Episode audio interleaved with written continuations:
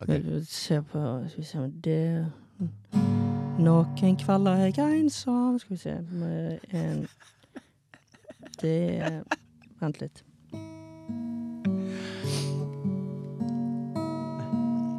Jeg vet ikke om jeg bruker de riktige strengene, men det skal jo liksom være Det der er bra. Nothing Else Matters, da, Metallica. So close. Ja, vent, jeg, jeg, jeg, jeg, jeg drar den opp igjen. Eh, du skal få, du skal få skal vi se. Sånn.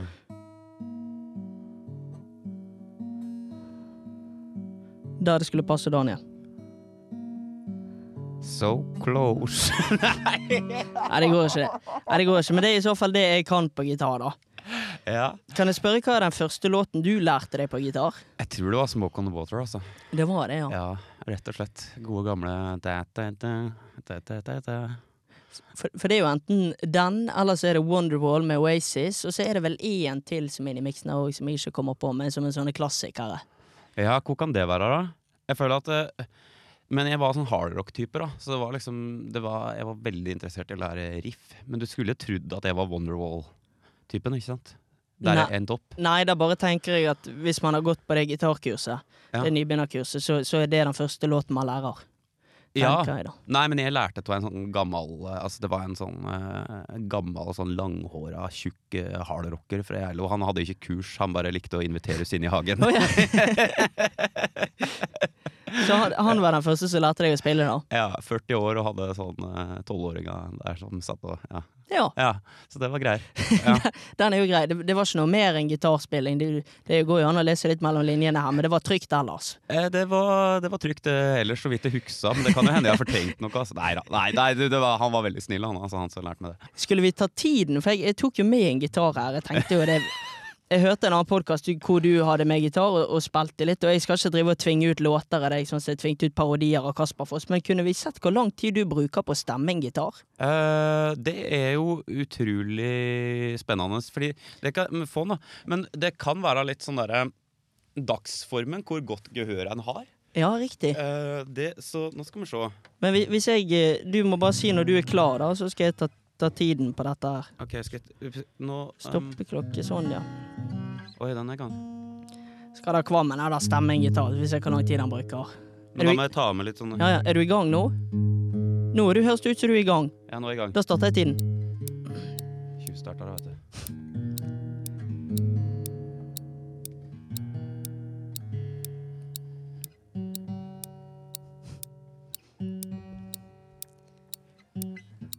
Ja, han beveger seg ned mot uh, siste strengen, nå, ser det ut som. Det burde jo egentlig hatt Olav Troen som kommenterte dette. Men Det var, det var eh, eh.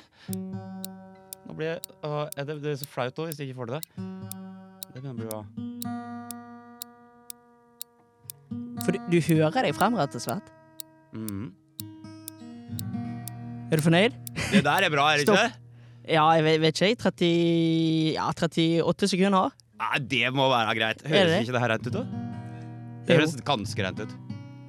Ja, altså Den kan finstemmes med en eh, Jeg syns det høres bra ut, jeg. Ja, nei, det får være. Det får være. du, du, var, du liksom- var ikke så fornøyd? Nei, jeg var Jo, men jeg har jo ikke perspektiv på det. Jeg har jo aldri Det, det beste jeg ble, det var trommer. Det var vel ja, litt sånn Jeg fikk vel fire pluss på ungdomsskolen. Oi, men du fikk såpass, ja? Det er ikke dårlig. Ja, men det var, det var det eneste instrumentet der jeg følte at jeg, jeg fant rytme, og dette kunne jeg sikkert bli god i. Men gitar har aldri følt noe for det, altså. Å ja, jeg er helt ekstremt dårlig rytmisk. Folk sier sånn her, Ja, men hva med, skal ikke du være med på Skal vi danse og sånt? Og så tenker jeg at fy fader, det hadde gått til helvete. Jeg, jeg er ekstremt dårlig rytmisk, så da, men da kan vi jo slå oss sammen, da. Hvis du er god på det. Ja, da kan vi slå i sammen, ja. Ja. Men det er ikke rart å være Jeg, jeg stusser litt på det du sier, å være dårlig rytmisk og være musiker. Ja, altså jeg, ikke, jeg har jo lært meg Men jeg er veldig god melodisk, hvis det gir noe mening. Så det liksom styrken min er at jeg er flink til å lage melodier og Ja. øh, synge og sånne ting. da Og skrive tekster og øh, akkorder og hele den tingen der. Men hvis jeg skal liksom se for meg en låt i studio, Mm. så har jeg liksom sånn Nesten må ha en produsent for å finne ut sånn Skal det gå liksom Skal det gå raskt, eller skal det gå sakte, eller liksom sånn Ja, ja. Altså det, det bruker jeg alltid noen andre til å referere med. ja riktig. Ja, Gir det noen mening? Ja, litt, men sånn så kan jeg helt sette meg inn i det heller. Men sånn, hvis, du hadde, hvis du hadde vært det, en av bandmedlemmene, da, enten det hadde vært på gitar eller på trommer, tror du du hadde falt ut av takten? Altså, Hvis jeg skulle spille trommer, hadde det blitt kjempedårlig. Men jeg greier jo å spille gitar sammen med bandet. ganske For du eh, spiller jo mye gitar sjøl, og det regner med det er ikke et problem der. Nei, nei, nei, altså så dårlig er jeg ikke. Men du kan si det sånn at eh, det er jo som å sette en spiss i forsvar. Altså, jeg, kunne, jeg kan grunnprinsippene, men det betyr Sier du nå at du er spissen? Det stemmer. ja. Gode gamle Haaland. Det er du som driver med sport, og da skal jeg fortelle deg noe moro. Jeg bor med søskenbarnet til Haaland. Søskenbarn, ja. Ja, ja, ja. Så jeg har hatt eh, Jeg leier ut et rom. Og så bor jeg, du som eh, er i sportsverden, jeg bor i samme bygård som Skjelbæk, så han treffer på altså, gode gamle TV 2, Marius Skjelbæk. ja, ja. Så jeg, og der leier jeg ut et rom i den bygården der, og hun sier jo første dagen hun flytta inn, så sier hun eh, ja, nei, eh, Og så hun, så viser det seg det at uh, hun er da søskenbarnet til sjølveste Braut Haaland. Så fotballreferansene, det har jeg orden på. Ser du, ser du på henne at her er det familie, her er det blod? Det stemmer, ja. Det, Det gjør det, ja. Det gjør jeg. Det gjør jeg. Ja. Samme lyse lokkene, kanskje. Det er sikkert en eh, Det er akkurat kjører Altså det kanskje. der harde øyebryna. Ja, så har vi kanskje ikke manbøen, hun, men kanskje hun har det i strikk? Nei, jeg vet ikke. Ja, nei, det er noe langt og flott, eh, flott hår der, ja. ja. Skulle vi introdusert deg, eh, Kvammen? Du, det må du gjerne gjøre hvis du vil.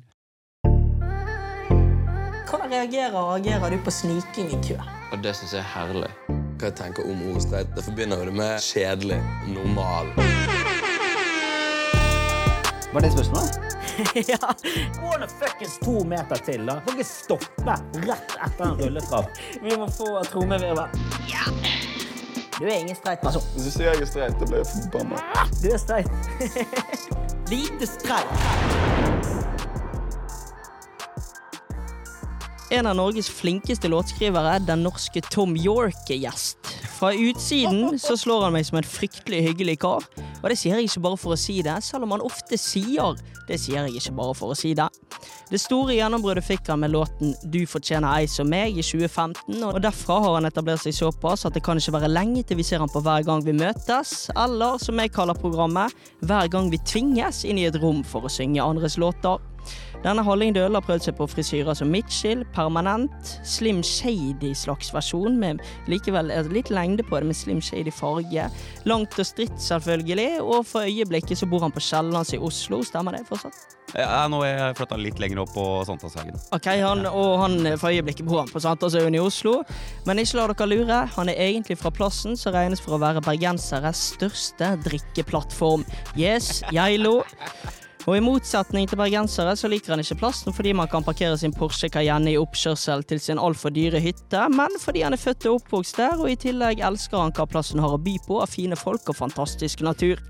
Kvammis, Kvammern, Kvam, Jong Språkteigen. Daniel burde kjøpt hytte på Kvamskogen. Dra gjerne frem gitaren på et nachspiel, jeg.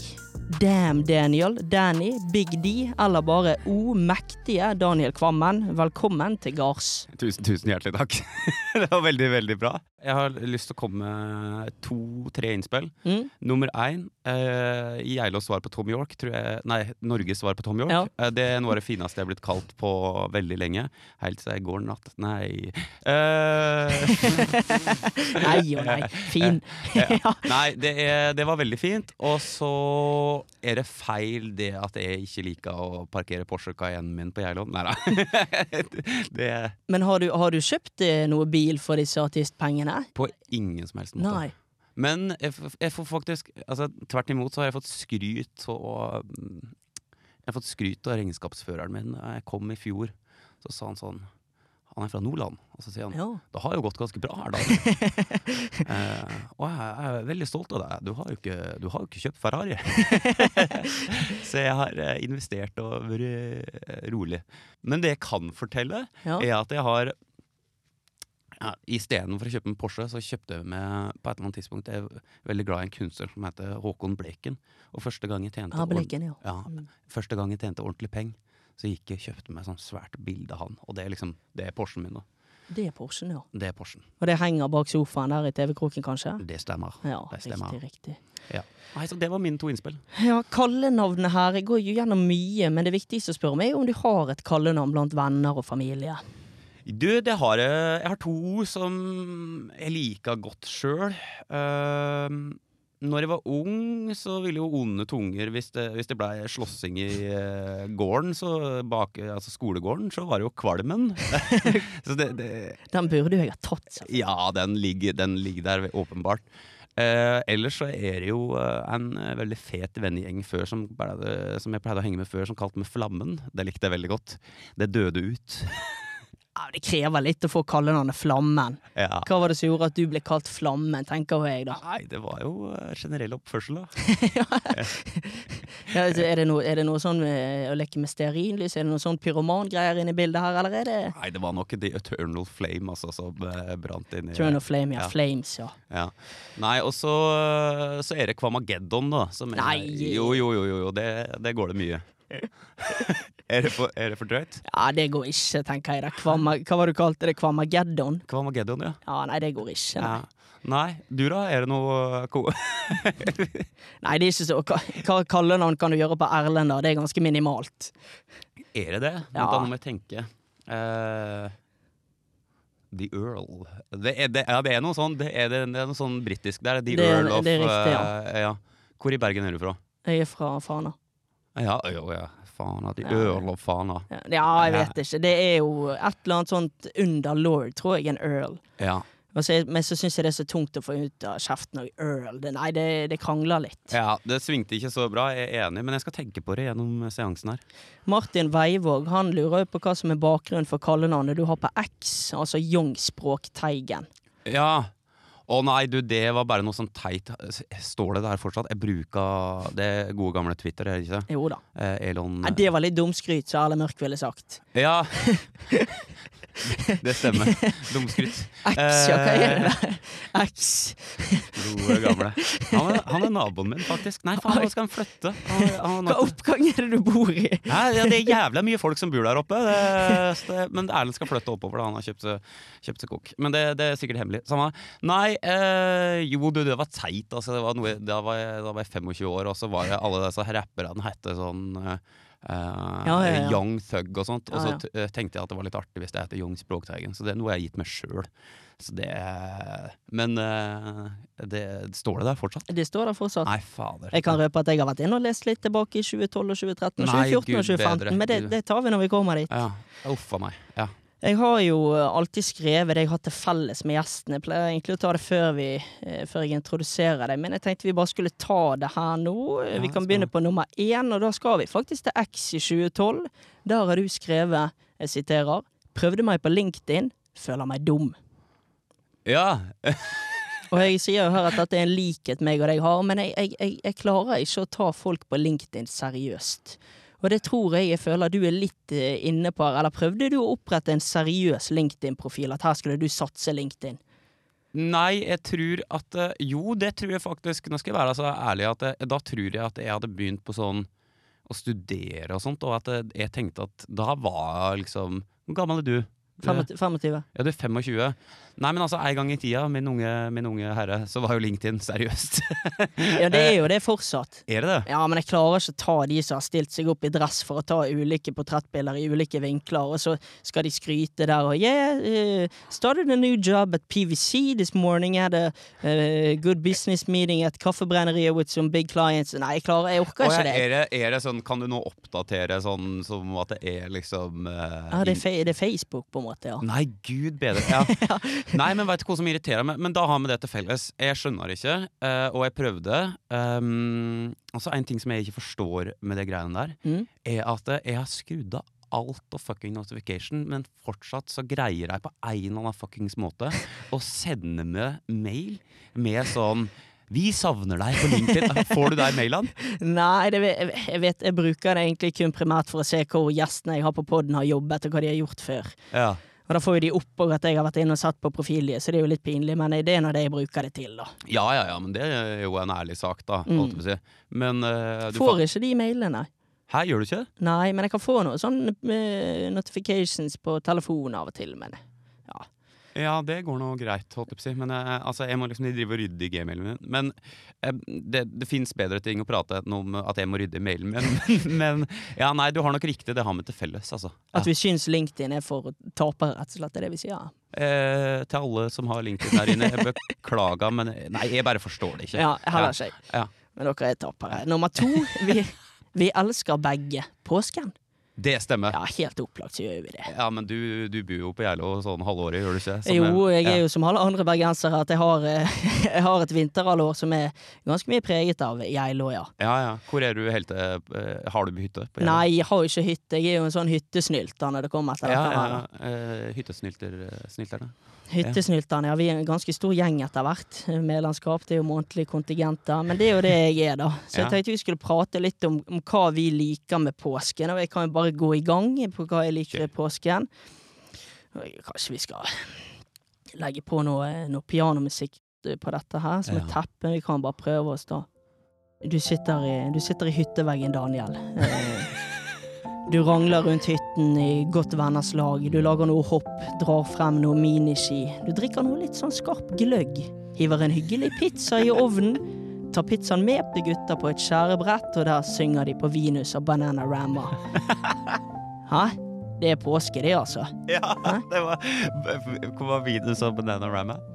Venus og Nei, det er vel Bananarama av Venus. Det er vel Venus som er artisten, Ah. er det ikke det, da? Ja, Det er ikke så viktig. Det skulle bare være en måte å si allsang på, da, ute Ja. i snøen der og i godt venners lag. Ja. Jeg vil ha det i mørket og spei og er greiene der. Er det der med? Hvilken låt var det du begynte på nå? Eh, drømmehus. Ja, vi har ja, Drømmehus var det, ja, ja. ja. Selvfølgelig. Nei, men det stemmer nok, det der. Og så slutta det jo ikke heller, så det havna jo på Da er det jo havne på Dr. Holms og spy på toalettet og komme seg tilbake i baren og hele Det, det, det vakre, vakre, vakre bilder. Du har vært og hentet verdigheten din i den der gjenglemt kassen på Dr. Holms et par ganger, eller? Om jeg har, ja. Herregud. Ja. Nei, men du veit hva, det, det stemmer. Det, det var ikke så Det var ganske nære sannheten. Det er jo det der å komme hjem til venner og kose seg. Det er jo helt fantastisk. Virkelig. Eh, altså, og så er det jo i motsetning til I motsetning til jula, som vi nå går i møte, Ja. så er det jo ikke så jæskla mye sånne fastsatte dager. Det er jo hyggelig å Nettopp det! ja, at det er bare sånn å seile gjennom på Du kan gjøre akkurat som du vil. Det er altså frihetens, uh, frihetens uh, høytid. Eh, død og oppstandelse dag etter dag.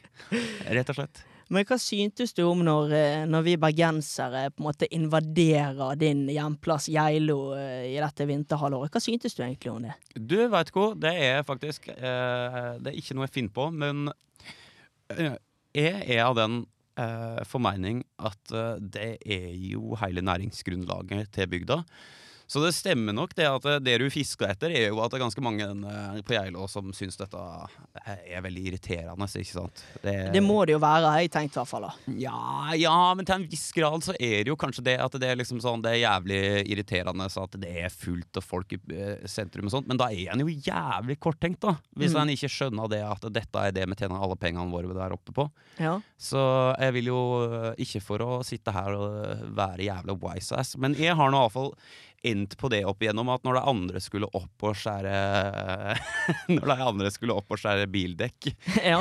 Altså For sånn var det jo når jeg vokste opp. Ja, At ja. det var liksom, da var det den gjengen, de rånerne, de skulle opp og skjære Altså punktere bildekk. Jeg tror en gang så punkterte de to Til altså sånne eh, bergensere som kommer til hytten sin og punkterer deres bildekk? Ja, ja, Ja, ja. det ja, ja. OK! Altså En gang når jeg var 15 år, så tror jeg det ble punktert 200 bildekk. Ai! Ned fra Øståset.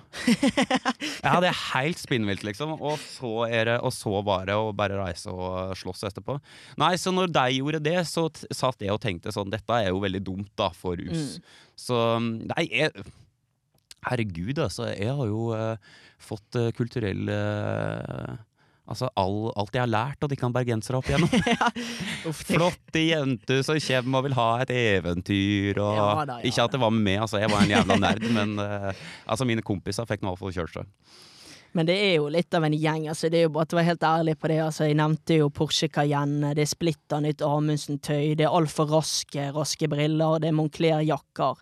Altså, vi er jo en gjeng. Vi Ja. altså, vi, vi, det er jo ikke sånn at vi inntar en ydmyk rolle når vi først eh, reiser oppover. Og nå vil jeg bare skille meg litt fra de, den personligheten Herre nevnte, som da har denne jobben i PwC med LinkedIn, eh, bra LinkedIn-profil. Nå jeg vil jeg ikke sammenligne meg helt med de, men det er jo en Ja, hvor er vi? Vi er jo en gjeng. Vi er jo en fryktelig gjeng.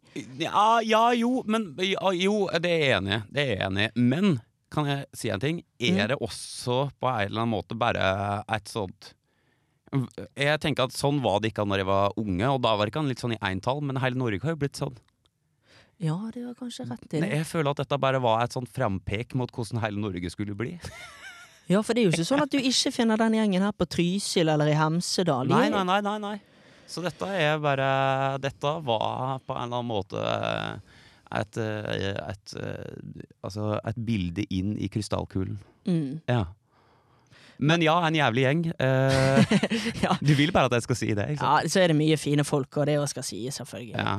Hva syns du om Altså, er du i den gjengen? Nei, det vil jeg ikke si. Jeg syns Geilo er aller best hvis du reiser. Hvis du reiser for helgen før påske da, eller etter, så syns jeg det er mye deiligere når det er færre folk der. Ja. Ja, nei, jeg syns uh, påska Hvis du tar det for dere er Påsken, det, vet du, det er så bra, vet du. Ja, og så må en liksom ta det for en sånn stor festival. At det er bare, da er det bare alt, alt skjer på uh, ei gang. Og, og så må du jo tenke det at vi som er fra Geilo, vi har jo bygda for oss sjøl. Ja. Altså, Store deler, ja. 49 uker ellers i året. Marius Hauge han lurer på om eh, Spiller noe på Geilo i nær fremtid? Kjør den sinnssyke stemmen din nå. Hæ, hva da? Hva mener du? Han spør om du skal spille på Geilo i nær fremtid, og så sier han at du må kjøre den sinnssyke stemmen din. Sinnssyke stemmen, ja. Det er jo veldig hyggelig. Eh, er det positivt, eller? Ja, det er veldig positivt, ja. Ja. Nei, um, jeg spiller jo Apropos påsken, så spiller jeg jo sånn fast sånn påskekonsert eh, oppe på Jeg vet ikke om du har fått med deg det? Prestholt. Ja da. Så der kommer det jo faen meg tusenvis av pers vandrende inn på store Du som liker det litt rolig, det hadde mm. vært noe for det. Ja, men vet du hva? Jeg sa det til gutta i fjor. Nå skal vi inn, vi, vi, nå skal vi inn på Prestholtseter, og så skal vi få oss et beger, og så skal vi forme oss. Var ikke det fint vær òg? Jo, det var helt fantastisk. Jeg også tror det var 4000-5000 der oppe. Det var helt spinnvilt. Vi, var- vi gikk jo dag, et par dager etterpå i snøføyk, vi. Sant? Du skjønner jo prioriteringen her. Det er jo helt håpløst. Men vi, vi skal ikke til påsken til Geilo i år. Blir det Prestholtseter i år, tror du? Jeg tror nok det. Jeg har hatt med meg Skue Sparebank på litt sånne sponsorgreier og sånt. Nå prata jeg med han i går, da jeg har veldig lyst til å gjøre det om igjen, så da blir det nok eh, Det blir nok en runde til, altså. Hvis du skal spille på påsken i år, så kan jeg garantere at da ser du meg, og du ser meg ikke. Et, et, når du har en liten pause mellom låtene der, så kommer jeg opp med et, et ferskt og nytt beger til deg. Det er en garanti, Daniel. Det, er, det høres veldig bra ut, men da må vi dra Nothing Else Matters. Da. Det er jo vårt glansnummer. Ja, Uff. ja, jeg vet ikke om det er 1200 der etter den låten er spilt. 1200? Faen, 4000? Var det 4000?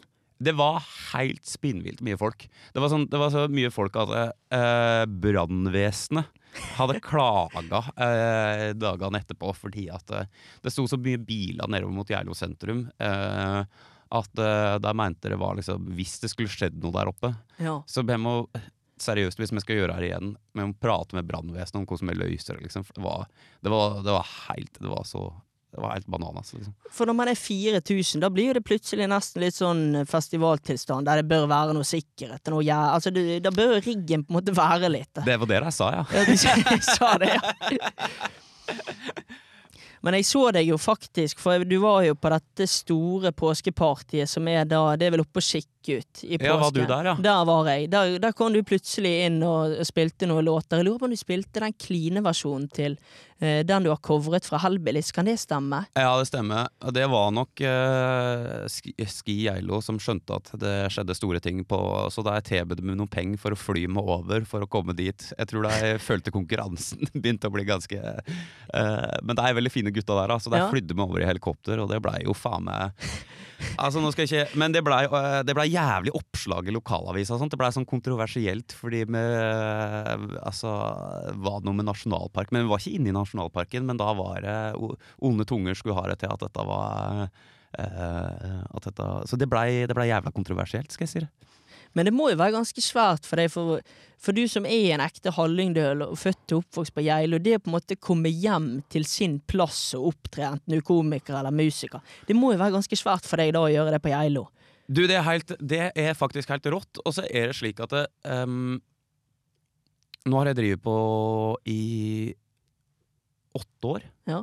Og de fem første av deg, så ga folk så jævlig faen. Det var ikke 4000 da. Nei, ikke sant? Og, sånn er det jo litt sånn når du er fra bygda, og jeg er helt, som du sikkert merka er Du sa det jo, men jeg kan jo si det sjøl òg. Men jeg er enormt glad i Eilo. Jeg er enormt glad i de folka som er derifra. Um, men det er jo litt slik da at når du er fra en liten plass, jeg vet ikke hvordan det er når du er fra Fana, men du skal jo på en måte ikke stikke det for mye fram. Og folk er jo litt sånn skeptiske, så det, det liksom Men så sakte, men sikkert så skjønner jeg sånn her Å ja, han gir ikke helt opp, han der. Han, å ja, han, han fortsetter, liksom. Å ja. Og så, og så sakte, men sikkert så får du deg liksom over på sida di. Så nå når jeg kommer hjem nå, så har jeg jo liksom Så er det jo sånn spille for 4000, og det er jo liksom at han nesten har blitt sånn Nå skal ikke jeg nå skal jeg ikke si at dette stemmer, men han føles jo nesten som litt sånn folkehelt. holdt jeg på å si. Og det er jo en sånn her følelse som er helt ubeskrivelig rå. Det er jo helt Ja. fantastisk. Så det er jo veldig moro. Men står janteloven så sterkt der, altså, at du på en måte, når du når, Tidligere, da, at du kom hjem som han fyren som satset på musikk, han som var flyttet til byen. Ble du han? Ja, absolutt. Det tror jeg, det tror jeg 100 eh, Høygaffel og Nei, ja, det er ikke langt unna. Nei, men jeg husker på 90 Nei, altså på 2000-tallet, når jeg vokste opp, så var det jo liksom Folk var Folk var liksom litt Altså, da var folk litt skeptiske til Hellbillies i Hallingdal, liksom. Nei! Jo, jo, jo, jo. Men så går jo det over òg. At det var liksom sånn Ja, nei, men de har flytta til byen og prata bymål og Ja, ja, ja. ja, ja. Så det er noe greier. Jeg har en Men- Nei, hva, var det noe mer? Nei, hvordan er det på Fana? Det blir jo Jeg har jo lyst til å si at jeg tror eh, Bergen er veldig flink til på en måte å, å anerkjenne og like de som har fått det til i Bergen. Ja, ikke sant. Det tror jeg jo, men så er det jo òg den terskel for at man skal prøve noe og sånn. Ja, du er han som skal bli komiker, du er han som skal bli artist. Den tror du finner over hele landet, på en måte. Den janteloven, du, som du òg har en, en sang som heter Jantelov, den tror jeg står egentlig ganske sterkt over hele landet. Ja, øh, sangen, ja.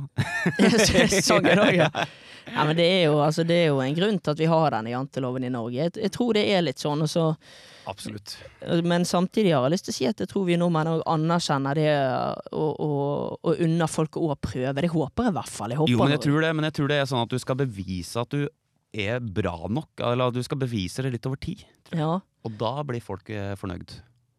Magnus Gjerstad. Husker du Nei, skal vi se, du han har veldig dårlig grammatikk, Magnus. Eh, husket du å smøre deg med solkrem på Skarvarennet 2023? Og gikk det bra ned Jagertoppen? Nei, det, det gjorde jeg ikke. Dette er tydeligvis et menneske jeg har møtt, eller eh, som jeg har blitt observert, eller? Jeg fikk et snikbilde, faktisk. Ja, du gjorde det? Ja. Eh, Hvor ille var det? Nei, det var litt på avstand så det var ikke så tydelig. Men det skal jo sies til at når du sto og sang på påskepartiet, så så du at, at du hadde fått et ganske greit solskille, ja. Ja, jeg kan si det at jeg er helt ekstremt dårlig på å um, bruke solkrem. Uh, jeg ser nok på påsken Det var jo apropos dette fine diktet ditt. eh, denne fortellinga om Lyrikken, tenker du på? Ja. Lyrikken om, lyrikken om påsken. Så en ting som ble glemt der, er at jeg ser jo på det som er en sånn det som er en sånn uh, life hack på å bli brun til sommeren. ja, ja, jo, ok. Ja, altså Jeg går jævlig hardt inn i å bli brun. Eh, først så kjører jeg beinhard påske, nesten uten solkrem, i så fall veldig mild. Ja. Og så kommer skarvrennet helga etter, eller to helger etter. Og da er det bare å gønne på med altså helt solkremfri. Og det går jo som regel rett til helvete, da. Så du er ikke redd for hudkreften, altså? Eh, eh, Det jo, du, du prater jo stikk motsatt av det alle helseråd anbefaler. Ja, eh, så den dagen jeg dør av det Nå ikke det noe det, No laughing matter. Folk sliter jo med sånne ting, eh, og det er jo eh, Så det er ikke noe en skal tulle med. Men eh, når jeg dør av det, så er det min egen feil, ja. Ja, det er din egen feil. Ja. Vi får håpe det. Du kanskje smører deg litt til neste år, kanskje. Eh, jo, det kan jeg gjøre. Det kan jeg gjøre. Men samtidig, hvis du da ender i pennalet litt tidlig, så kan du tenke på alle de somrene hvor du var, hvor du var brun. Hvor kalte du det? Pennalet? Pennalet, ja. Ja, It's better to uh, burn out than to fade away. Jeg vet ikke jeg vet ikke om det var noe sånn uh, solkremgreier, men uh, det, var, det er nå et sitat.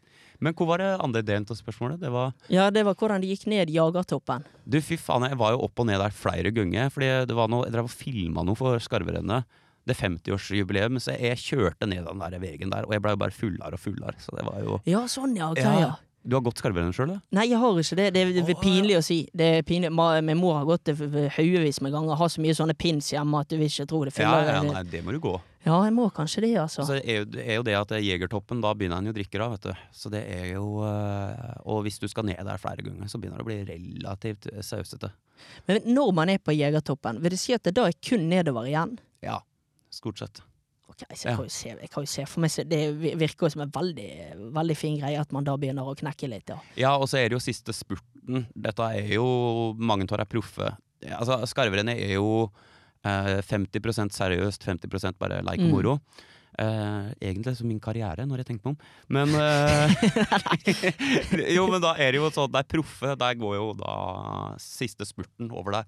Så du sitter og ser på spurten, ja. og så shotter du, og så shotter du, og så kjører du ned. Fantastisk. Men jeg tror jeg sto, altså. Eh, stilpoeng sikkert eh, to, men eh, kommer ned helskinna. ja. Ja. Kanskje det er det det skal bli årets påske? da, Skarverennet. Det er jo på tide. Ja, det må du gå. Eh, Men jeg tror faktisk vi har eh, truffet hverandre tidligere. Nei, er det sant? Ja, jeg lurer på det. Oi, det Jeg lurer nemlig på om du har gitt meg tekroken før. Ja, men det kan stemme. Hmm. Ja, da var du ung, da. Da var jeg ung, vet du. Hvor gammel var du da? Nei, da var vi kanskje Skal vi si at det kanskje var en eh, Hvor mange år siden er det, da? Var det tilbake i 2010-2011? Kan det ha vært noe sånt? Eller må det ha vært Ja, men det tror jeg kan stemme. Jeg var litt inn og ut av denne heisen, så jeg var der flere sesonger, sånn av og på. Men eh, ja, du er 25, og det Mm. begynner å bli Ja, du er Oi. Da begynner det å bli liksom 15 år siden. Ja, det gjør det. 13, 13 år siden. Ja, ja, ja. Oi. Og da var du sju år eller noe sånt? Åtte? Ja, jeg var jo det. Jeg var jo det. Ja. Twin-tippene der. Men eh, jeg vet jo ikke om vi har truffet hverandre der. Men overgangen skal jo liksom være det at du har jobbet som eh, heisoperatør i, i skianlegget der på Geilo. Ja, jeg gjorde det, altså. Der, jeg satt der og egentlig starta jo egentlig hele karrieren min som musiker i den eh, heisen, for jeg kjeda meg så jævlig. Så egentlig er det derfor jeg er så dreg som på det, fordi det er litt sånn flaut, for jeg var jævla ræva i den jobben. Men hva var jobben, da? Altså at, at eh, Satt du inne i den buen hvor du trykker stopp og start på heisen, eller var du òg den som gir disse tekrokene til de som skal ta heisen oppover? En gjorde jo litt forskjellig. Jeg sto jo og ga disse tekrokene ei stund, det, men eh, i hovedsak så satt jo jeg på en av stolheisene, og da er det jo start og stopp, da. Ja. Så det er jo eh, til å bli gal av. Til å bli veldig gal. Jeg er jo også en litt utålmodig type. ja. Så jeg kjeda meg altså noe så enormt, så jeg begynte å ta med gitaren på jobb. Og jeg var liksom forhatt. Jeg var forhatt av de eh, av de som dreiv skiheisen. De syntes altså jeg var så jævla ubrukelig. For du satt og spilte istedenfor å følge med? Det stemmer. jeg husker En gang så kom Krompen, for de har hytte i Uvdal, så han kjører innimellom så kjører han ski på Geilo. Ah, Og så ser jeg en fyr som eh, sitter, liksom, sitter sikkert midt i liksom, sitter og komponerer at 'du fortjener en som eller noe sånt. Ja. Blam, blam, blam, du, du, du, du, og sitter der og klimprer. Og så ser jeg bare en sånn fyr som bare sånn Så hører jeg noe sånn Og så ser jeg til sida, og der flyr det en fyr ut. Og så når han liksom stikker huet opp av snøen, så er det kronprinsen. og så står liksom den der vakthunden bak og hoia, for han har jo altså alltid med seg to bak, eller uh, Ja. Så eh, det var jo relativt flaut, da. dette burde jo du tatt med Krompen. Hæ? Du, veit du hva? Kompisen min har blitt hoffsjef. Nei! Jo, jo, jo, så han er jo Han treffer jo Krompen hele tida. Jeg traff han i går, ja, han, eh, så dette kan jo faktisk få videre, videreformidla. Men jeg vet ikke om det er noe jeg har så veldig lyst til å fortelle av Krompen. Ja, så spørsmålet om han husker det. Nei, men uansett, det er en veldig fin historie. Og det er jo, som du sier, der din musikalske karriere da. Ja, han, han startet, det er ikke sikkert han startet helt der, men det var der du begynte å komponere de første store låtene. Det stemmer, ja. Ja, Det er faktisk helt sant at det noen av dem som havna på første plata, uh, ble skrevet der. Men jeg er veldig redd for at jeg har utsatt det, det for noe sånt nå. Men- Nei, nei, nei. nei. Jeg tenkte bare vi skulle inn på dette med å jobbe som heisoperatør. Jeg, at Ja, ja. eh, Det var en måte å gjøre det på. At vi visstnok har eh, truffet hverandre der. Det har vi Så det er bare løgn. Ja, det er det løgn, vet du. Løgn og fanteri. Ja. En hvit en. Ja, en hvit en. Eh, som den vakre snøen på Geilo. Nei, det stemmer, altså. Så der eh, komponerte faen meg det ene og det andre. Men eh, Så det er jo litt artig, da. Jeg tror kanskje ikke jeg hadde blitt musiker hvis det ikke var for det. Men var det sånn at, var det sånn at eh, det var Nei, hvor- vil jeg nå? Men når, det var, når du kjedet deg sånn der på, på denne jobben som skiheisoperatør, var det da du fant ut at «Nei, nå må vi flytte til Oslo? Ja, eller jeg fant iallfall ut at eh, Jeg fikk jo et veldig sånn behov for å gjøre noe annet, så jeg huska det at jeg, Ja, jeg tror nok det. Altså Jeg, jeg hadde altså sånn Jeg hadde Born to Run med Bruce Springsteen på CD i bilen, Mm. og jeg nekta å bytte ut den CD-en før jeg hadde flytta vekk fra Geilo. Det var liksom på det nivået der at jeg hadde liksom Jeg hadde gått så lei. Jeg kom tilbake til den, den står jo fortsatt den heisbua, men revet den heisen som jeg jobba i, den eksisterer ikke lenger. Men jeg kom tilbake der for et par år siden fordi vi skulle filme noe og snakke om det her. Og da kom jeg på at jeg hadde skrevet et sånt brev til den som skulle jobbe der eh, etter meg. Som var sånn 'Du må bare rømme. Det er helt jævlig her'. og så fant jeg det brevet. Så jeg, liksom, jeg står på film, det fins en eller annen plass. Så, står jeg på, så, står det, så er det liksom et brev fra meg til den neste som sier sånn 'Hvis du finner det brevet her, så bare vet, vit det blir ikke bedre. Kom det vekk'. det er helt jævlig. Fantastisk. Ja. Jeg tenker vi skal prate om eh, denne tiden når du flyttet til Oslo, og når du begynner da å produsere denne platen. Men var det sånn, bare når du da kom til Oslo, bare for å ta det med en gang, var det sånn at du da hadde med deg alle tekstene til låtene på den første platen i sekken? Nei, det, noen av dem var klar, men ikke alle. Ok. Nei. Jeg kom jo ikke for å drive med musikk, i utgangspunktet. Ah, Nei. Altså, jeg, jeg, jeg kom jo for å studere, på en måte. Jeg skulle jo eh, Jeg skulle jo bli lærer. ah, dette er nytt for meg. Ja. Nei, nei, nei. Så jeg kom ikke hit for å drive med musikk. Det skjedde litt sånn eh, Jeg kom til Oslo, bodde på Grønland, og sammen med en kompis studerte.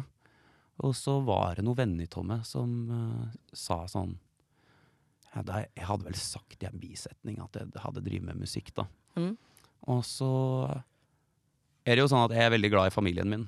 Ekstremt glad i far min. Men far min er jævlig sånn typete, da, og han er han er, han er halling på alle mulige måter. Det betyr at han, eh, han har ikke følelser. Og han er jævlig opptatt av penger. Ja. Ja, ja, ja, men det er sånn det er å være mann fra Hallingdal. da. Så han, do nummer én, så sier han da at eh, du, du, du kan ikke drive med musikk. Det, det tjener du ikke penger på. Så jeg hadde liksom Jeg hadde liksom innbilt meg det. Jeg hadde vært jævlig opptatt av musikk helt siden jeg var liksom liten gutt. liksom Stått og dansa på badegulvet og trodde det var Michael Jackson. liksom Men jeg hadde liksom fått høre det at det kan du ikke, så du må bli, du må bli noe ordentlig. Og lærer, det var liksom trygt yrke. Det er godkjent, ja. Jeg er godkjent. Så jeg kom til Oslo, og så hadde jeg alltid drevet med musikk ved sida av, men hadde liksom ingen forhåpninger om det. Og så hadde jeg vel sagt det til noen i klassa, at ja, jeg driver med musikk, liksom. Og da, da inviterte jeg til meg med på en sånn her heimefestival. Det var sånn back in the day. Sånn, jeg er jo ti år eldre enn det. Så Ja. Da pleide folk å ha festival i stua og sånt. Og så kom jeg inn der, tatt med meg gitaren, og så satt jeg meg ned og spilte, og det var sånn store band og sånt før meg, og så satt jeg meg ned, og så blei det bare helt sånn sinnssvakt stille. Og så bare klikka det helt etterpå. Jeg spilte tre låter, og folk var bare sånn over av. Og så var jeg sånn, jeg skjønte ikke hva som skjedde, men så var bare sånn folk sånn Det var tre låter jeg hadde skrevet. Det var egne låter, for det var det jeg lurte på. Ja, ja, det var egne låter. Mm. Og dette syns jeg var altså så fantastisk og så bra at eh, det spredde seg litt sånn som ild i tørt gras. Jesus. Så der var det noen som kjente noen som jobba med Bylarm, og så var det noen som kjente noen som jobba med Øya. Og så gikk det et halvt år, og så sto jeg liksom på hovedscena på Øyafest... Eller ikke hovedscena, men jeg sto liksom på Vindfruen på Øyafestivalen og spilte liksom åpningskonsert. Så jeg var helt sånn Tok helt av ut av det blå. Resten er historie. Resten er historie. Så det er greier. Jeg skal fortelle deg, jeg syns det der var veldig fint, men jeg tenker jeg skal fortelle deg litt hva vi skal gjennom i dag ellers. Nå, nei, nå, så, Ja. nå så jeg du lo, som at jeg ikke mente at jeg syntes det var, fint. for, ble, ble for seriøst. Jeg syns det var nydelig, jeg. Ja, ja Få høre resten. Vi skal på Er vi på rød eller grønn bølge? Basically spør jeg hvordan da du har det. Så får du på den røde eller den grønne bølgen. Oi. Ja. Vi skal ha en Let us get to know you. Her har jeg skrevet en masse fordommer om hvordan jeg tenker du er som type. Jeg Ja. presenterer de, vi går igjennom, og så finner vi ut om de stemmer eller ikke. Ikke sant? Vi skal da ringe CP, selvfølgelig. Det er jo da min far. Heter han CP? Ja, han heter jo Carl Petter, da, men det blir jo CP, da. Ja, det er bra, det. det, er bra, det. Og så har jo jeg noen eh, egenlurere og lytterlurere som er flettet inn litt her og der. Og så skal vi da finne ut om du er streit eller ei. Ja. Podkasten heter jo Lite streit. Jeg vet jo ikke hvor mye du eh, vet, men jeg bruker jo hele vår prat til å finne ut om du er en streit person eller ikke. Ja, det, jeg, jeg, jeg kan si det sånn at jeg er veldig Jeg er ganske opptatt av hvordan utfallet blir her. Ja, du er det, ja? Ja, ja. Ok. Det vil jeg absolutt Det påstå. legger jo litt press på meg. Det er jo, eh, de fleste gjestene sier sånn OK, og så Å, ja. tror jeg egentlig ikke de vet hva det handler om. Men du, du, du legger faktisk litt stolthet i dette, så det, det er greit. Det er, no, det er notert. Ja, takk. Og det er egentlig dette vi skal ha en med før det går. Men ja, altså, det, det er egentlig dette vi skal gjennom. Det er rått. det er rått. Jeg er jo bare glad jeg er over, ferdig med den stemminga. Nå skal vi høre hvordan det Vent, da. Det er ganske bra, det der, altså. Det er ganske ok. Ja, okay ja, ja. Vi går på Er vi på rød eller grønn bølge, vi. ja, det er rått. Hvordan går det med badkar? La meg si det slik. Rakk ølsalget med ti sekunder i sted. Ja, hvordan går det nå igjen? Nei, kjørte over katten min i stedet, så Er vi på rød eller grønn? Det er jo et veldig enkelt spørsmål, da, og det er jo å spørre hvordan går det med Kvammen? Jo, jo. uh, nei, det går greit. Uh, det fins ikke noe oransje.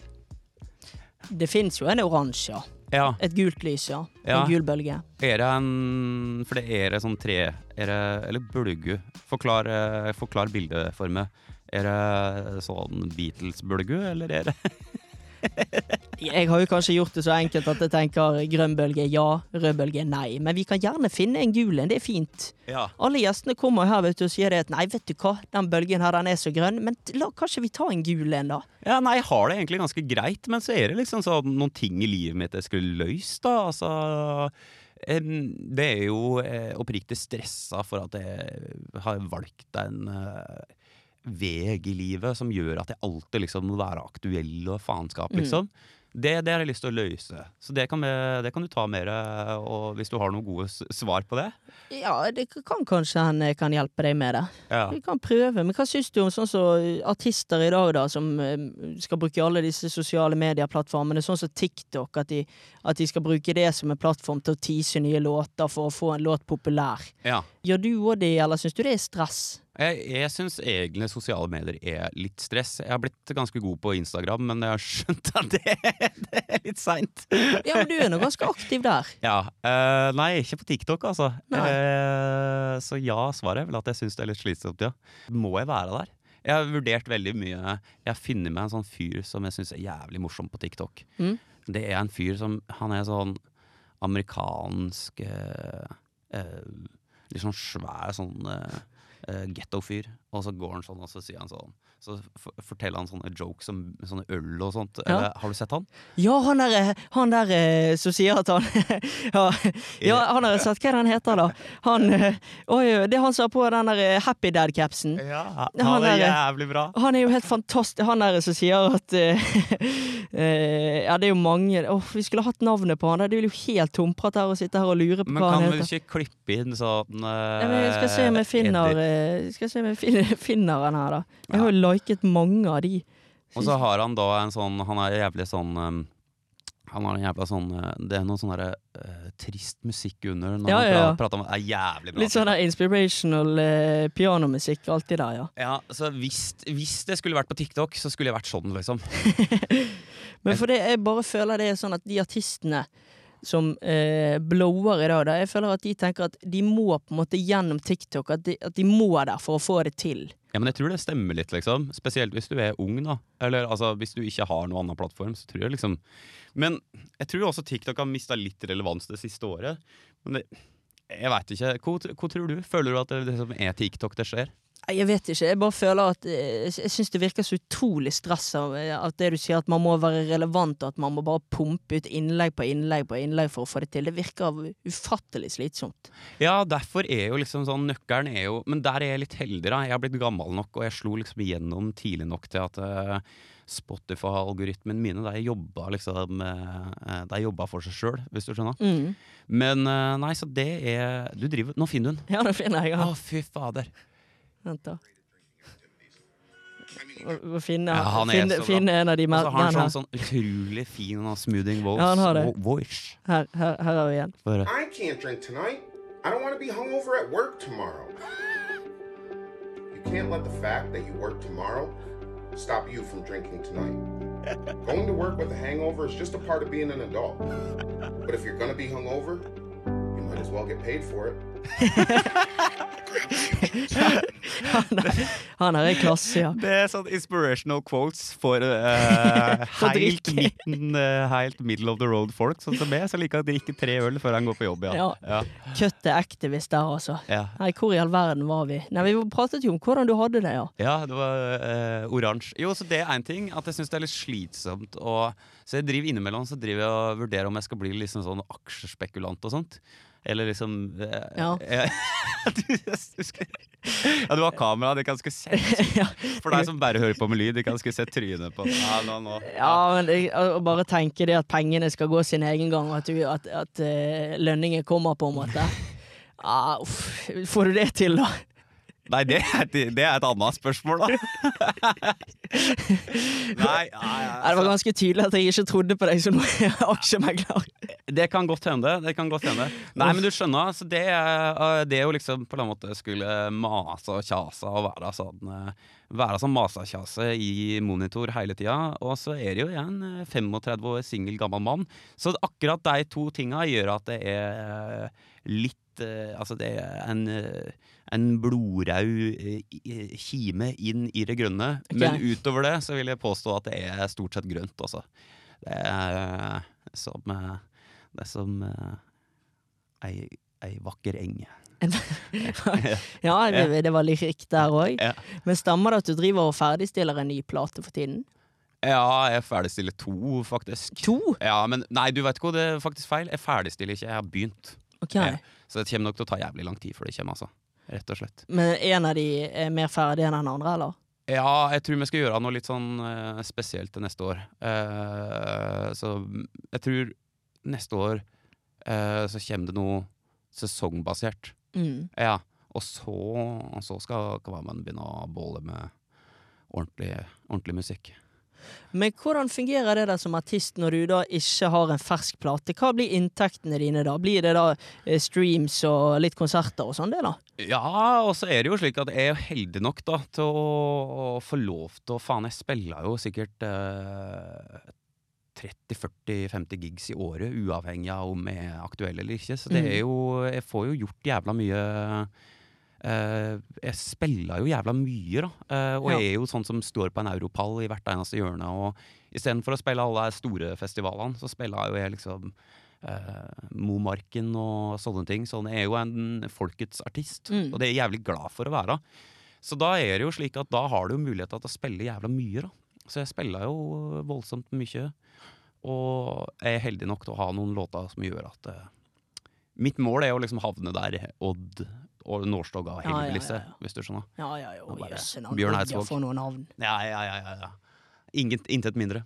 Men når du jobber med ny musikk og sånn, jeg er veldig nysgjerrig på dette. Og det er jo det at Er du det? jeg, Ja, jeg er det. For jeg ser, eh, jeg ser når artister jobber kreativt, så er det ofte en, en pils eller et glass vin. Ja. Er det sånn at du òg blir mer kreativ når du har et glass vin når du sitter og skriver en ny låt?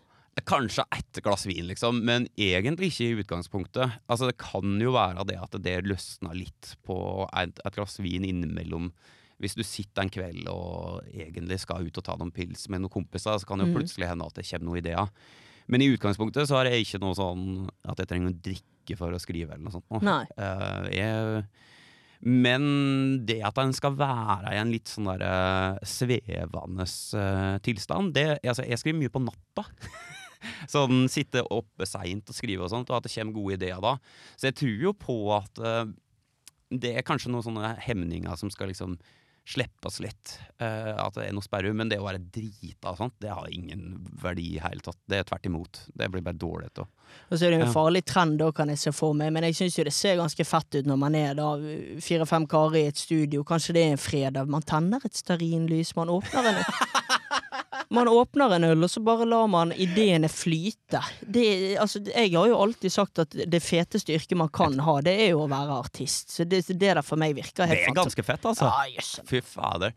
Men uh, Nei, altså Jeg trodde du skulle si heroinflyte, men det Nei, nei, nei, nei, nei, nei, nei, nei, det er ikke sånn podkast. Nei, ikke helt. Nei. Nei. Nei. Altså Helt oppriktig, jeg, jeg, jeg jobba ganske mye på Når jeg er i studio, og sånn, så jobba jeg jævlig mye på dagtid. Jeg tror ikke jeg jobba kveldstid på eh, all herrens år. Okay. Ja, så det er, det er ikke liksom um, Det er ikke sånn Men det er jo jævlig mye sånn reising og sånt, da. Og det er jo på en måte det kuleste og det kjipeste. Etter hvert som man blir eldre. Mm. Jeg eh, vil at du skal gi meg en O. O. V. V. E. E. R. R. G. G. A. Eh, A. N. N. G. G. Hva blir det? Overgang. Jeg vet jo ikke hva du gidder å prate om egentlig når du kommer til dette, men jeg så jo noen oppslag opptil flere Hva da? eh, når det ble slutt med forrige kjæresten i 2022. Ja. Og det jeg egentlig lurer på, det er jo eh, hvorfor du gidder å gi på en måte pressen info, og gi de på en måte stoff til å lage sånne kjærestesaker. Det har jeg aldri skjønt meg på på profilerte mennesker, at de gidder å gi Nei, det var ikke jeg som ga deg sånn. det, for å si det sånn. Nei, det var ikke det, nei. Nei, jeg kan si det sånn at uh, takes two to tango. Det er alt jeg har å si om Ja, det. gjør det. Ja. Nei, jeg er, ikke, jeg er ikke så veldig opptatt av sånne ting, uh, egentlig. Ehm, For det må jo bare være stress, tenker jeg da. ja, ja, ja, virkelig, virkelig. Nei, jeg hadde ikke noe behov for at det der skulle komme ut i hele tatt. Så, men eh, det er klart det at uh, andre har jo andre oppfatninger. Og så er det jo sånn at det, blir jo jævla mye tjat, og det var jo et helvetes styr også med uh, hun uh, Emilie, som jeg er venninne av med. Der gikk det jo noe rykte om at eh, med var et slags item, og det ville jo ikke stoppe, uansett hvor mye mer Å ja, det har ikke jeg fått med meg. Ah, jo, jo, jo. Det, det var et kjør ut av like sikkert over et eh, Det var faen meg et halvt år. Der det bare Uansett hvor mye vi benekta at vi var i lag, så fra begge kanter. Så det var Så liksom skrev de om det, ja. Ja. Så det er masete. Og grunnen til at jeg ville åpne denne døren her med, med forhold og sånn, det er jo fordi at jeg har lyst til å stille spørsmål med litt brodd her. Ja, høre. Jeg håper vi kan fortsette praten etter dette her, men er den største inntektskilden til artister brudd og forelskelser? På ingen Ikke Nei, du, da Da, da kjenner jeg på hva slags inntekt du snakker om. Um, nei, jeg har ikke tjent noen penger på det, tror jeg. Nei, men da tenker jeg at når man da blir forelsket, eller når, når det blir slutt med kjæreste, da får man, da får man eh, sanger å skrive. Så det er jo det jeg mener. Sånn, ja. ja, jo, det stemmer nok. Jeg så Mena skrev det en gang, at hun alltid måtte være deppa for å skrive låta. Og og jeg er så redd for at det er sant. Jeg er så jævlig redd for at det er sant. Men um, nei, jeg har ikke Når jeg gikk gjennom mitt forrige brudd, så bare det første jeg skrev, var bare sånn eh, eh, Frenetisk happy-låta. Eh, Nesten Ja. tvert imot, liksom. Ja, ja, jeg er så glad! La ut en låt i fjor sommer som heter 'Endelaus sommer', som er bare sånn alt alt i orden! Så det Syns ikke det var, jeg syns ikke det var trist at det var slutt, jeg. Nei, nei, nei. Nei. Uh, nei, jo jo, men det er jo noe sant i det. da. Det er jo en sannhet i at Jeg skal prøve å svare litt ordentlig.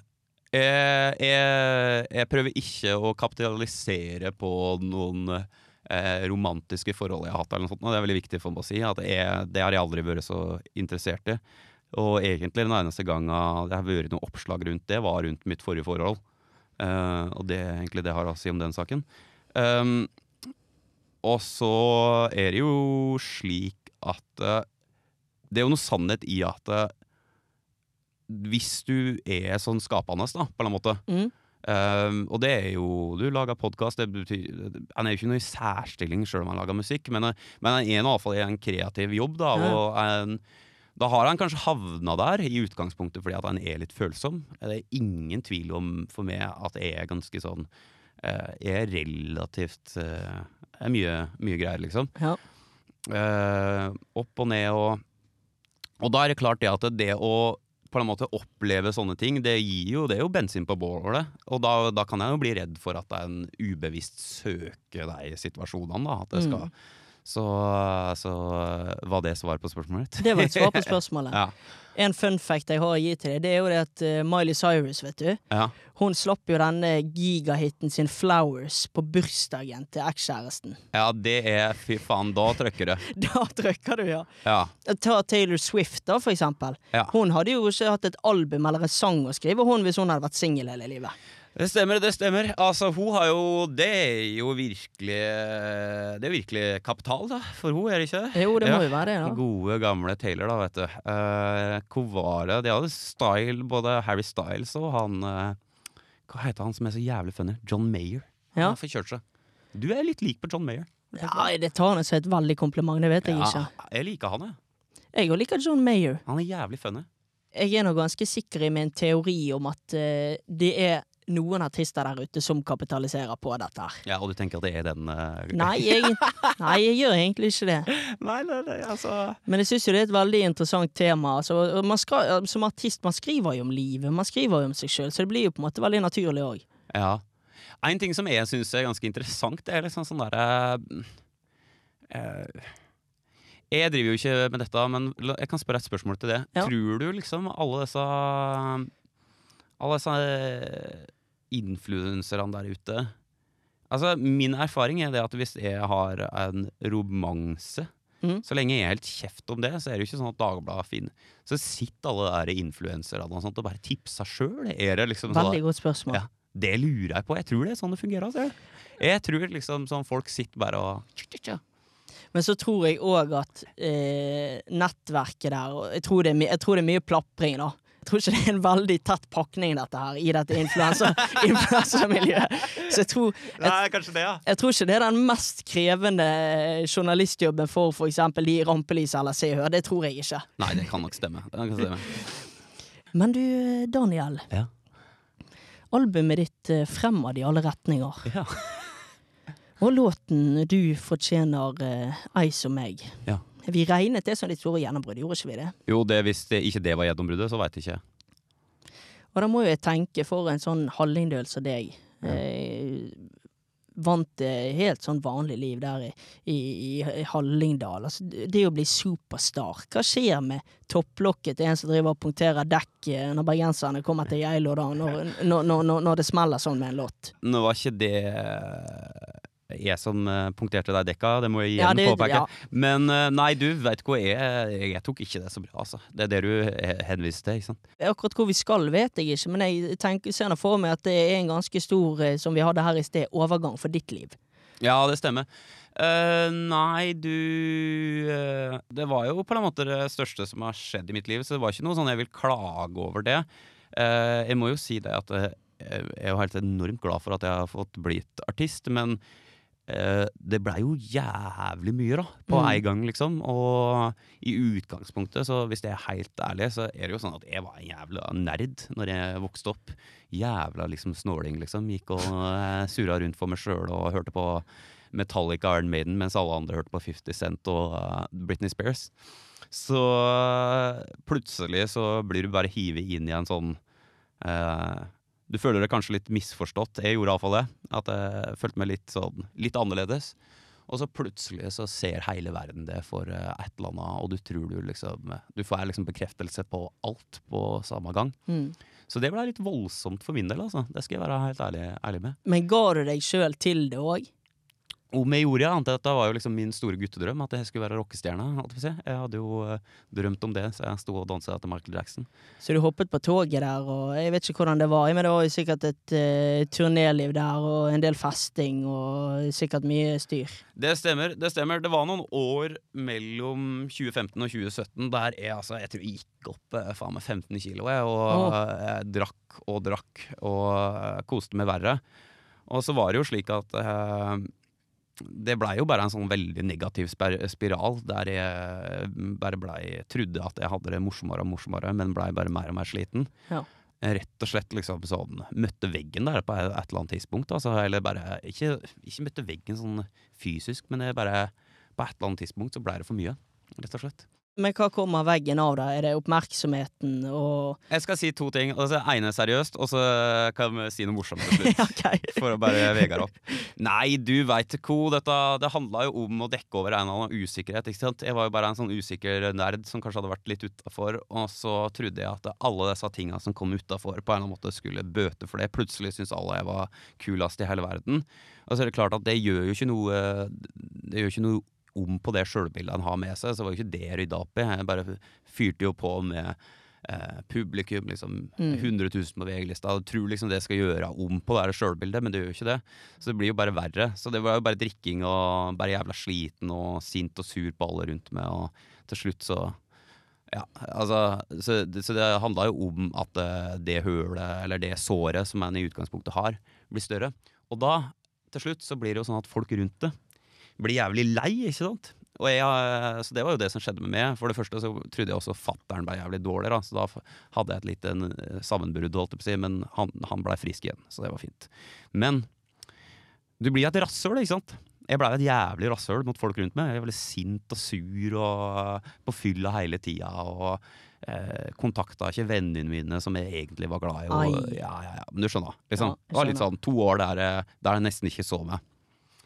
Men veit du hvem Chevy Chase er?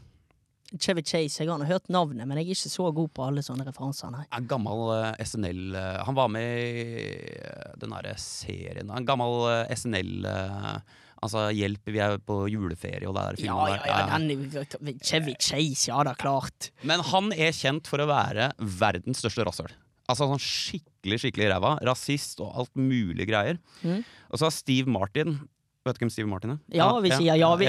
Steve Martin er en annen komiker som er veldig sympatisk, og han uh, jobba med han sammen på SNL da, eh, på 80-tallet. Og så sier han det at eh, han skulle kommentere det med Chevy Chase, og så sier han det at eh, alle som blir kjent, blir rasshøl i to år. Men hvis du fortsetter å være rasshøl etter to år, så er du rasshøl på ekte. det, er, det er lærdommen her. Så jeg var rasshøl i to år, og så ga jeg meg. Og det er jeg ganske, det er ganske fornøyd med. Men jeg lurer jo på, altså, når det smalt som mest, hvordan så liksom turnélivet ut? Hvor vilt var det på et tidspunkt? Nei, altså, spør du, spør du meg, så spør jeg det. Faen heller, jeg huksa ikke. Du, du, du gjør ikke det, nei? Nei, du, det var ganske heavy, altså. Det var det. Men snakker vi da turnébuss, og at man er liksom på reise hele året? Ja, vi kjørte nightliner og sånt på en visse tidspunkt. Og så er det jo Det var jo en sommer eller to der det liksom gikk i ett. Vi spilte hver helg. Hele tida, liksom. Og det er nå greit nok. Nå spiller vi jo fortsatt jævla mye, men det var jo liksom sånn at det, det var jo ikke å legge seg før. Altså, våkne på badegulv og Ja. faen eh, Altså, reise videre dagen etter og stå og gaule sånn halvsurt på ei scene i Gvarv, hvis du skjønner. Så Ja, jeg skjønner. ja. Men hvordan orker man da, når man er liksom sliten, og kanskje det har vært en fest og konsert dagen i forhånd, hvordan orker man liksom å gå på scenen på nytt når man da har vært i Stavanger, og så manner man seg opp til å gå på scenen i Ålesund? Hvordan får man det til? Nei, de gjør det jo bare, da. Og så våkna jeg en to år etterpå og jeg er helt kjørt. Ja, Skjønner du? og da kommer veggen, ja. Ja, ja, ja. Så det er jo det. Det fins et, eh, et rykte om at det er en kjent norsk festival i Oslo. Pleide å ha en sånn rockedoktor som pleide å komme med sånn oh, ja. adrenalinsprøyte. Nei! Jo, jo, jo. jo når, eh, når Iggy Pop var sliten, liksom. Så, For å få på en måte artistene bare klar, ja. ja, jeg, jeg tror det er adrenalin, eller var det silikon? Nei, adrenalin. Det er bare sånn rett i, rett i åra. Vanvittig. Ja. Sondre her, dette spørsmålet har jeg alltid hatt lyst til å stille en artist. Det er jo et veldig klassisk. Det er jo hva du har på rei... Nei, hva du har på eh, Raideren. Raideren, ja. Raideren, raideren, ja. Eh, Reidar, eh, du veit jo hvor Vi har verdens hyggeligste rider. Har, eh, jeg har skrevet et brev eh, eh, der jeg skriver sånn Det er veldig hyggelig å få lov til å komme. Før så bedde vi om sånn hvite sokker og alt sånt. Men så har jeg innsett det at det å være artist i Norge Du skal få lov til å komme igjen på liksom disse festivalene, så jeg må være hyggelig. Eh, det skjønte jeg etter to år. så jeg har en veldig hyggelig rider der jeg skriver sånn Jeg har reist lenge, vi bør ha noe varm mat, og så vil vi gjerne ha noe lightøl, fordi vi begynner å bli jævlig feit. Mm. Vi begynner å bli gamle og er redd for å bli feit, står det. Og så står det som jeg vil ha noe pils, lightpils. Og så uh, ei flaske vin fordi trommisen tror han spiller med Beyoncé. uh, og så er det litt sånne greier da som vi trenger, men det, det er ikke så ekstravagant. Altså. Det er noe light pills og sunn mat er vi opptatt av. Eh, prøver jo da å holde oss i relativt grei form, da. Til å mm, For jeg innså en gang i, i løpet av den toårsperioden så jeg blei jævla feit, ser du. Ja. Eh, 15 kilo, hva skjer du sa? jeg gikk ned i 2019, så gikk jeg ned 20 kilo. Oi, oi. Ja, helt spinnvilt. eh, under Så um, jeg var jævlig feit, og så innså jeg det at det er ingen i Norge som vil høre på en feit artist. eh, hvis, med mindre du er 50 år. Så da fant jeg ut at jeg måtte ta meg sammen. Så, det, eh, um, så da prøver jeg å ha litt sånn sunn mat på raideren. Men hva er det gøyeste på en sånn konsertdag? Er det det å sitte på backstagen med gutta? Er det selve konserten? Eller er det det å ta seg en pils etter man er ferdig og bare senke skuldrene igjen? Og det er to ting. Det er to ting. For det første så er det å stå på scenen. Uh, jeg vet ikke, Driver du med noe sånn ekstremsport av noe slag? Hopper du i fallskjerm? Nei, det kan jeg ikke si. Det kan jeg ikke si. Ikke på noen måte? Jeg har stått litt standup, hvis det kan være en Ja, referanse. jo men, jo, men det kan være en referanse. Fordi det er altså et sånt sinnssvakt rush. Uh, jeg har liksom hoppa i strikk, og jeg, hoppet, jeg skal hoppe i fallskjerm. Um, og driver med, har prøvd sånne ting. Og det, på en eller annen måte så har det litt sånn fellesreferanser, fordi det er så jævlig sånn Det å stå på en scenen i en time, du går av, og så husker du ikke hvor du har gjort. Nei. Det er altså et sånn fordi publikum og all denne musikken og all denne synginga, og det er så jævla adrenalinkick. Og det er så sånn stor følelse av fellesskap og at du gjør noe. Så det der kicket der, det er jo liksom Det er nesten Jeg kunne sammenligna med å være narkoman, liksom. Det er så jævlig fantastisk. Mm. Så det er jo liksom nummer én. At det, den følelsen er helt ubeskrivelig. Føler du deg som verdens viktigste mann på det tidspunktet du står her? Nei, det gjør jeg ikke. Det ikke det, det, jeg kjenner veldig sjelden på en sånn egofølelse når jeg står der oppe. Jeg føler mer på et ansvar over at jeg liksom er, er han fyren i front. Mm. Er hesten som dreg vogna, og hvis det ikke er dregen, så står vogna stille. Så det er mer sånn der, en sånn der, at du skal dra det. Eh, Du er liksom presten, og hvis ikke menigheten tror på det, så er det, så er, da er det din feil at Gud ikke fins, ikke sant? Hvis du skjønner? Ja, ja. Så det er jo mer den følelsen. Og så nummer to, så er det det der at det, det er liksom Vi er jo en gjeng, da.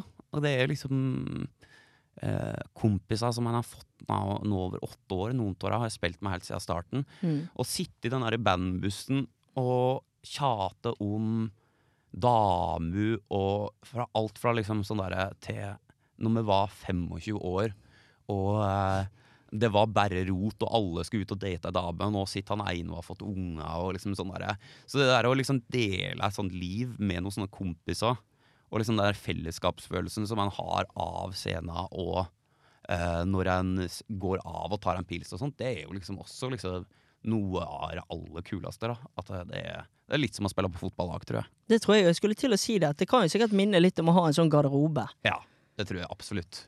Vi tar et siste spørsmål før vi går på disse fordommene jeg skal fortelle om deg. Og det blir jo naturlig i praten vi er i. Og det blir jo Hva er den kuleste konserten? Altså, du har gått fra Ja. hytte til hytte i påsken og spilt hyttekonserter. Du hvor har du headlinet? Bare for å ta noe. Øh, ja, åh, nei, det er jo mye. Jeg har spilt hovedscena på Øya, og har jo headlina mye festivaler opp igjennom. Det skrev men det er jo mye sånn Byfesten i Lillehammer. nei, nei, nei, men uh, jeg har spilt Slottsfjell og Vet ikke om jeg headlina Slottsfjell, men jeg har spilt Slottsfjell og Stavern og alle ting, ja. ja, rett og slett. Men du skal dra én opp av hatten. Altså, du liksom, den vil du aldri glemme. Jeg må jo si det at jeg må ha fått det med den der påskekonserten på Geilo. Mm. er litt sånn Det, det kjennes litt sånn unikt fordi at det, er bare, det var noe jeg bare fant på en påske, og så drog jeg opp et anlegg. Altså, jeg, jeg, jeg har nå dratt opp anlegget på pulk eh, i tre år. Oh, ja. Ja, ja, ja, altså, Så det er liksom jeg som dreg det inn sjøl og sånt. Og så har det første året så kom det Har vi gjort det to eller tre år? Kanskje jeg bare har gjort det to? Ja, faen, det ble to år. Uansett, første året så kom det liksom 2000, og i fjor så var det liksom dobbelt topp. Så det er liksom sånn Det er så jævla mye folk, og så er det bare en sånn liten idé. Mm. Det er ikke noe det er ikke noe sånn stort uh, Øyafestivalen-apparat bak, eller noe Nei. sånt. da. Så det syns jeg Det er kanskje noe av det fineste jeg gjør, da. Eh, og så merka jeg det at folk syns det er så jævlig stas. Folk kommer liksom hele året og prater om den jævla konserten. Mm. Jeg har jo lyst til å gjøre litt med sånn videoideer innenfor dette lite streite universet. Men hvis jeg hadde dratt opp på Geilo med en fotograf og meg som reporter, kunne vi fått vært med kanskje i påsken 2024? Visst faen skal vi det. Hva, Kunne vi, kunne vi vært med på det? Ja, det tror jeg kunne blitt fantastisk for folk å se. Og i hvert fall du som ikke husker alle minuttene du står på scenen. Kunne du sett hvordan det var- var òg? Ja, nei, men du, det må du gjerne gjøre. Jeg kan i hvert fall sende Magni eller deg en melding når vi nærmer oss. Kan vi se du, skal hva vi, få, du skal få nummeret mitt. så kan vi se hva vi får Eh, til. Til deg som eh, Men men kan jo si det til lytterne. Altså det, vi har eh, hatt en intern prat av, uh, av eh, Når vi gikk inn her. Det er vanskeligere å få tak i hos artister enn vanlige, vanlig kjendiser. Veldig. Ja. For du må jo via, du må jo via en, en manager, og det er, jo, det er jo ikke det at manager ikke gjør jobben sin, men det er jo sant det jo, Nei, men det blir jo en latency, sant, for da skal du da skal, Magni er litt treig, altså. Det kan Nei, liksom Magni er mye bedre enn mange av de andre artistene jeg har prøvd å booke her. Enn Magni og de andre. Ja. Men det Så er jo bra. Det er bra, Magni. Sant, For da skal du via manageren, og så skal manageren kanskje sitte og tenke litt på det før manageren spør deg om dette kunne være aktuelt, og så skal du gjøre deg en- opp en mening, og så skal den meningen tilbake til manageren, og så skal den til meg. Ja, ja. Og når jeg da skal da booke et, et studio her, som det er litt eh, andre folk som bruker òg, så er jo dette en kabal som kanskje eh, Den er litt vanskeligere enn en kortstokk, Ja, det si det tar sånn. jeg sterk skjulkritikk på nå. Det Nei, men det er jo sånn det er, på en måte. jo, Altså, men jeg, da vi skal utveksle nummer før det går, sånn at Ja, eh, det dette går direkte. det skal vi gjøre. Skal vi ta noen fordommer, da? Ja, oi, dette er jeg spent på. Nå kommer det noe musikk. Skal vi se, den hører ikke du, men nå kommer det noe musikk, og den kommer jo. Der har vi en liten Kunne? Kan du Kan du spille litt gitar mens jeg leser dette? Er det mye å be om? Få høre. Nei, men er du klar, da? Om jeg er klar, ja? Da, Daniel, da skal vi rett og slett kjøre en Let us get to know ya. Daniel Kvammen, han er en, han er en ja-mann. Han sier ja før du har kommet med forslaget. Og dette er jo grunnen til at han både har vært, vært å se i Kompani, i filmen Tina Bettina, og som en av artistene på fotballsangen til Bernt Sleipi. Daniel han handler på impulser, men i etterkant så lurer han nesten alltid på om han burde sagt ja. Ikke fordi han ikke likte det han var med på, men fordi han er en tenkende fyr. Som ofte stiller seg sjøl spørsmål både én og to ganger. Tidligere var Kvamis fryktelig redd for å bli eldre. Men nå føler han seg ferdig med 30-årskrisen. Den største reaksjonen på midtlivskrisen det er at han er blitt bitt av løpebasillen. Og dette ser du igjen overalt. Martin Sleipnes, Nicolay Ramm, Gukild og Erna Solberg er alle blitt stukket av hukka av morens pil. Erna Solberg. Løpebasil er for pokker mer effektiv på menn i 30-årene enn hva coviden var på uvaksinerte over 90. Og Daniel han er et stabeist. Og dette har jeg ikke funnet på. Nei da, han sa det i en annen podkast.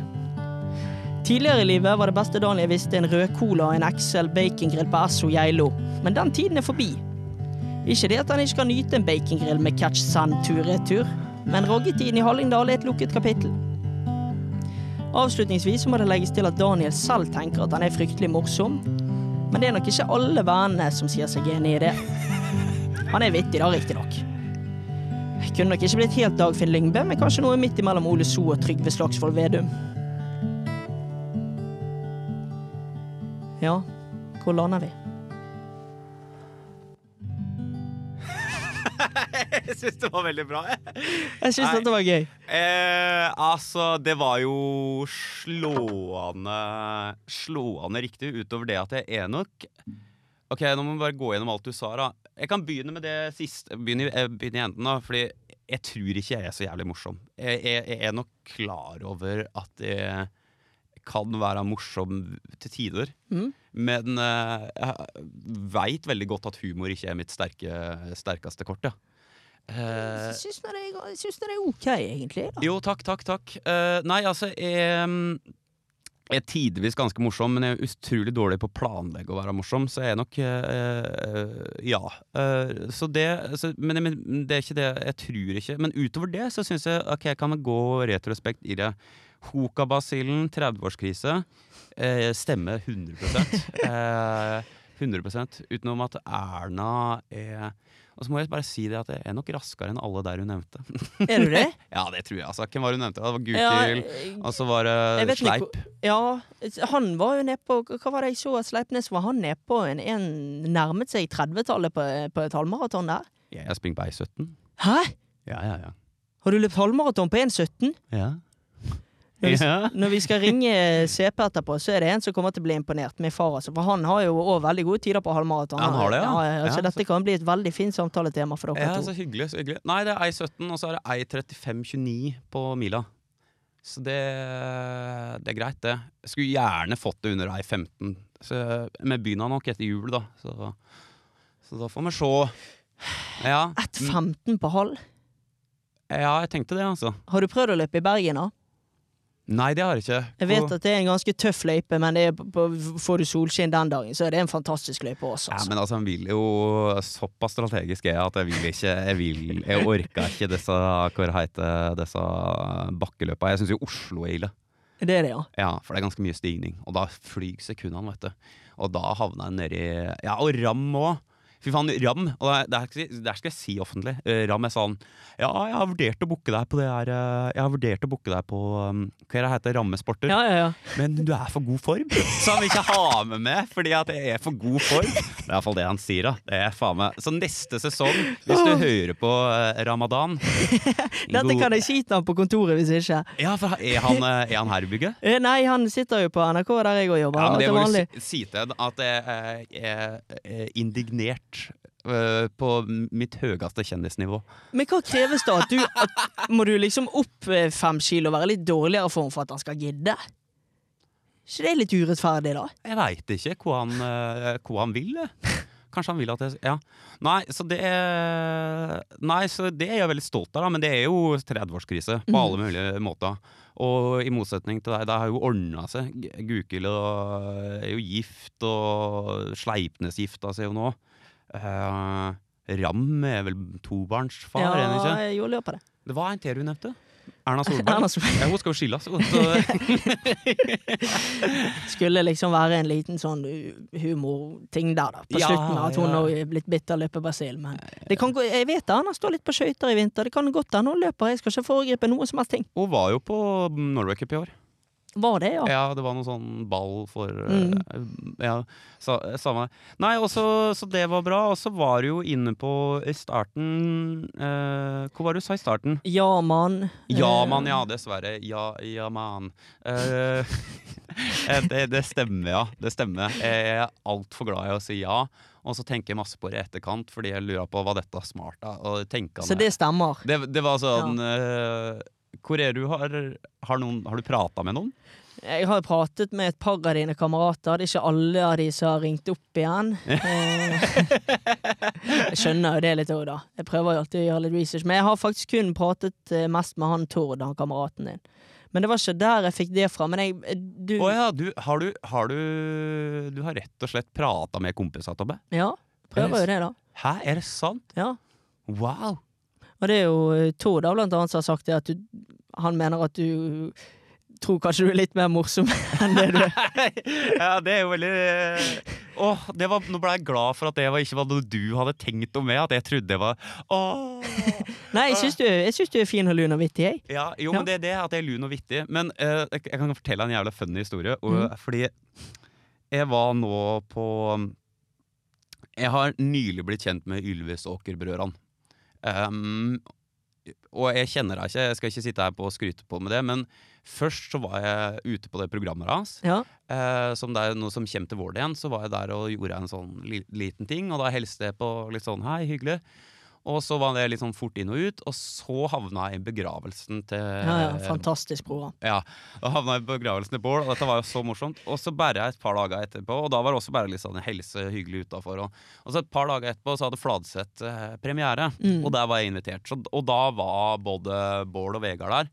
Og så blir jeg stående og prate helse sånn ordentlig for første gang. da. Så jeg st står og prater en del, og til slutt så havna jeg og Vegard havna i baren og blir stående.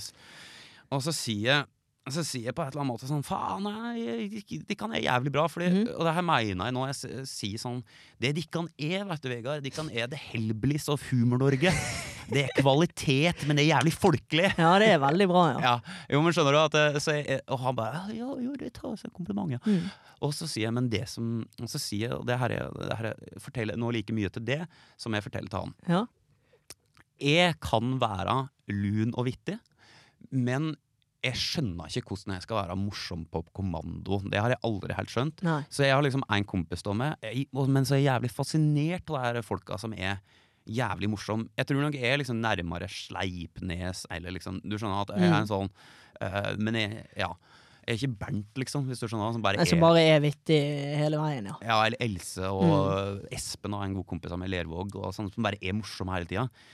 Og så sier jeg at jeg forstår ikke det. Og så går nå kvelden, og så sier han Og så blir jeg jævlig dritings! Ja. Jævlig drita!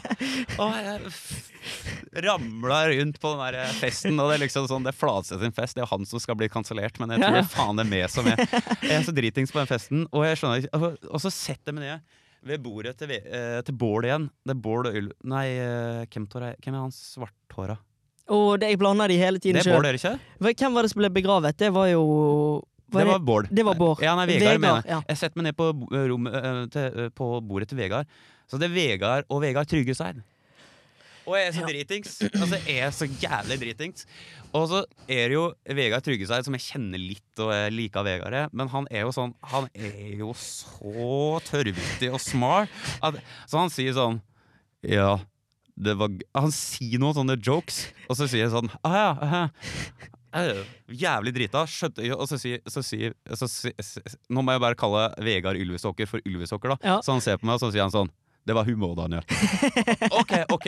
Og jeg er drita full igjen. Og så sitter vi og prater litt til, og så sier Vegard enda en ting. Altså Tryggeseid. Tryggeseid sier enda en ting. Og så sier jeg å ja, ja. Og så sier uh, Ylvisåker det var humor, Daniel. og så ei tredje gang så kommer Tryggeseid med det som visstnok er en spøk, og så er jeg så full at jeg skjønner det ikke. Så, så til slutt så tar Ylvis Åker på eh, skuldra mi, så sier han Du sa jo det at du ikke skjønte humor. Og da bare sa jeg Nå går det, nå går det. Og det var så flaut. Å, herregud. Men det var fordi jeg var full, da. Altså, er Vegard veldig vanskelig å lese i utgangspunktet òg. ja. Men eh, jeg vil si at det var Så dårlig på humor er jeg ikke, men det var altså Uff a meg. Historiefortellingen her syns jeg var veldig god. Og så må Ja. du få skryt for bergensparodien. Den var nå- ganske spot on. Ja, var det det? Så Ja, bra. jeg syns det. Ja, Jettebra. Er vi oss ferdig med disse fordommene? Skulle vi ringt CP og rett og slett tatt kveld? Jeg må bare si at det var terningkast seks i fordommer. Det var det, ja. Ja. Setter jeg veldig pris på. Jo, Jeg ser jo på meg sjøl som en menneskekjenner, så jeg, jeg syns jo det er greit at det treffer litt, da. Jo. Men så får jo man òg, det må jeg si, når jeg gjør research, jeg ser jo litt der du har vært med kompani, jeg hører et par podkaster, man får jo òg et noenlunde inntrykk.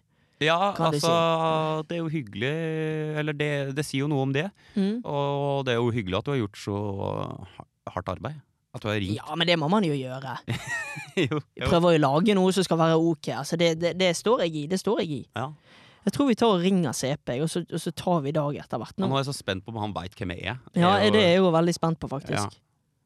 Uh, hva, hva heter han? Carl? Carl Petter. Carl Nå Petter. håper jeg han ikke er i retten eller noe. Nå, nå håper jeg han Er han advokat? Ja, han er dommer. Eller er han Dommer. dømt?